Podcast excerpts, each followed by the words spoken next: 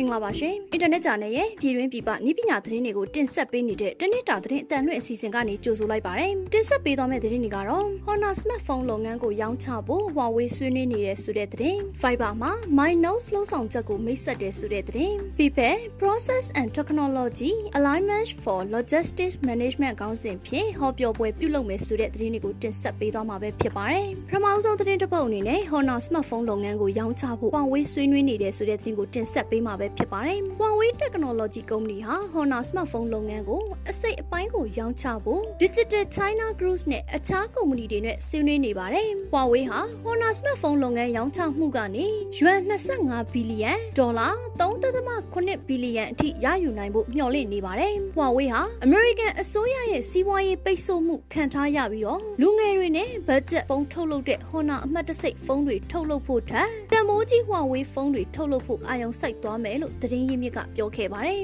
။ Honor အမှတ်တစိတ်ပါဝင်တဲ့လုပ်ငန်းရောင်းချမှုကိုတော့အပိမသက်သေးပေမဲ့ရောင်းချမဲ့ထဲမှာသူတေသနာနဲ့ဖွံ့ဖြိုးတိုးတက်ရေးဌာနနဲ့ဆက်ဆက် supply chain စီမံလုပ်ငန်းတွေပါဝင်လာပါတယ်။ Digital China ကုမ္ပဏီကတော့ Honor ဖုန်းတွေအဓိကဖြန့်ချီနေတဲ့ကုမ္ပဏီဖြစ်ပါတယ်။ Honor လုပ်ငန်းကိုဝယ်ယူဖို့ရေပန်းစားနေတာကတော့တရုတ် electronic ကုမ္ပဏီ TCL နဲ့ Xiaomi Corporation တို့ဖြစ်တယ်လို့လည်းသိရပါတယ်။ဆက်လက်ပြီး Viber မှာ My Notes လှုပ်ဆောင်ချက်ကိုမိတ်ဆက်ဆိုတဲ့သတင်းကိုတင်ဆက်ပေးမှာပဲဖြစ်ပါတယ်။ Viber မှာအသုံးပြုသူတွေရဲ့အရေးကြီးလှုပ်ဆောင်မှုတွေနဲ့လှုပ်ဆောင်ချက်သတိပေးချက်တွေကိုအဆက်မပြတ်ခြေရာခံနိုင်ဖို့ My Notes လှုပ်ဆောင်ချက်အသစ်ကိုမိတ်ဆက်ခဲ့ပါတယ်။အဆိုပါလှုပ်ဆောင်ချက်မှာအသုံးပြုသူတွေရဲ့ message တွေနဲ့သတိပေးချက်တွေကိုအဆက်မပြတ်ခြေရာခံနိုင်ရန်အတွက်ဖြစ်ကြောင်းမြန်မာနိုင်ငံသားတွေအနေနဲ့ COVID-19 ကပ်ရောဂါကိုတိုက်ထုတ်နေစဉ်မိမိတို့လှုပ်ဆောင်ရမယ့်လုပ်ငန်းတာဝန်ဝတ္တရားများအချိန်မီပြီးမြောက်စေရန်အထောက်အကူပြုသတိပေးနိုင်တဲ့လှုပ်ဆောင်ချက်တစ်ခုဖြစ်ကြောင်းသိရပါတယ်။အသုံးပြုသူတွေအနေနဲ့ MyNotes platform ထဲမှာ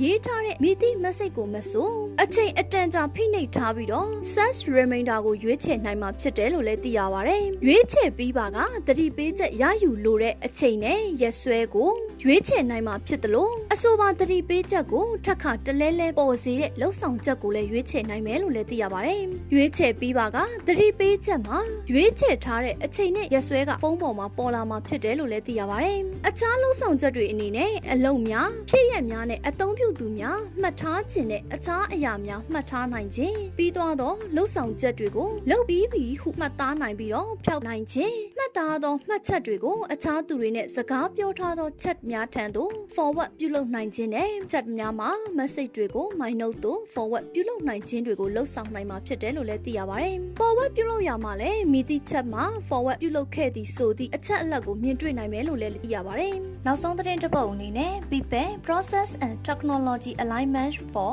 Logistic Management ခေါင်းစဉ်ဖြင့်ဟောပြောပွဲပြုလုပ်မယ်ဆိုတဲ့သတင်းကိုတင်ဆက်ပေးမှာပဲဖြစ်ပါတယ်။ရန်ကုန်တိုင်းဒေသကြီးကွန်ပျူတာပညာရှင်အသင်းမှကြီးမှု၍ People Process and Technology Alignment for Logistic Management ခေါင်းစဉ်ဖြင့်ဟောပြောပွဲကိုအော်တိုဘာလ18ရက်နေ့လယ်တနာရီခွဲကနေ3နာရီခွဲအထိအွန်လိုင်းကနေတဆင့်ပြုလုပ်သွားမယ်လို့သိရပါတယ်။ဟောပြောပွဲမှာဦးအောင်ကိုကိုတက်နဲ့ဦးတက်နိုင်ဆိုက Webinar Gen online platform ကိုအသုံးပြုပြီးတော့ဆွေးနွေးဟောပြောသွားမှာဖြစ်တယ်လို့လည်းသိရပါတယ်။စိတ်ပါဝင်စားတဲ့မိသူမဆိုအခမဲ့တက်ရောက်နိုင်ပြီးတော့တက်ရောက်လိုသူတွေအနေနဲ့ www.tiny.cc/sig2 တွင် register ဝင်ရောက်ပြုလုပ်နိုင်ပြီးတော့ပွဲနေ့မတိုင်မီ register ပြုလုပ်ပါကပြုလုပ်ပြီးသည်နဲ့မိမိတို့ထည့်သွင်းထားတဲ့ email ဒါမှမဟုတ် live run link ရောက်ရှိမှာဖြစ်တယ်လို့လည်းသိရပါတယ်။အဆိုပါ live run link ကိုဟောပြောပွဲကျင်းပတဲ့နေ့မှာနှိပ်ပြီးတက်ရောက်နိုင်မှာဖြစ်တယ်လို့လည်းသိရပါတယ်။ဟောပြောပွဲကျင်းပတဲ့နေ့မှာ register ပြုလုပ်မဲ့သူတွေကတော့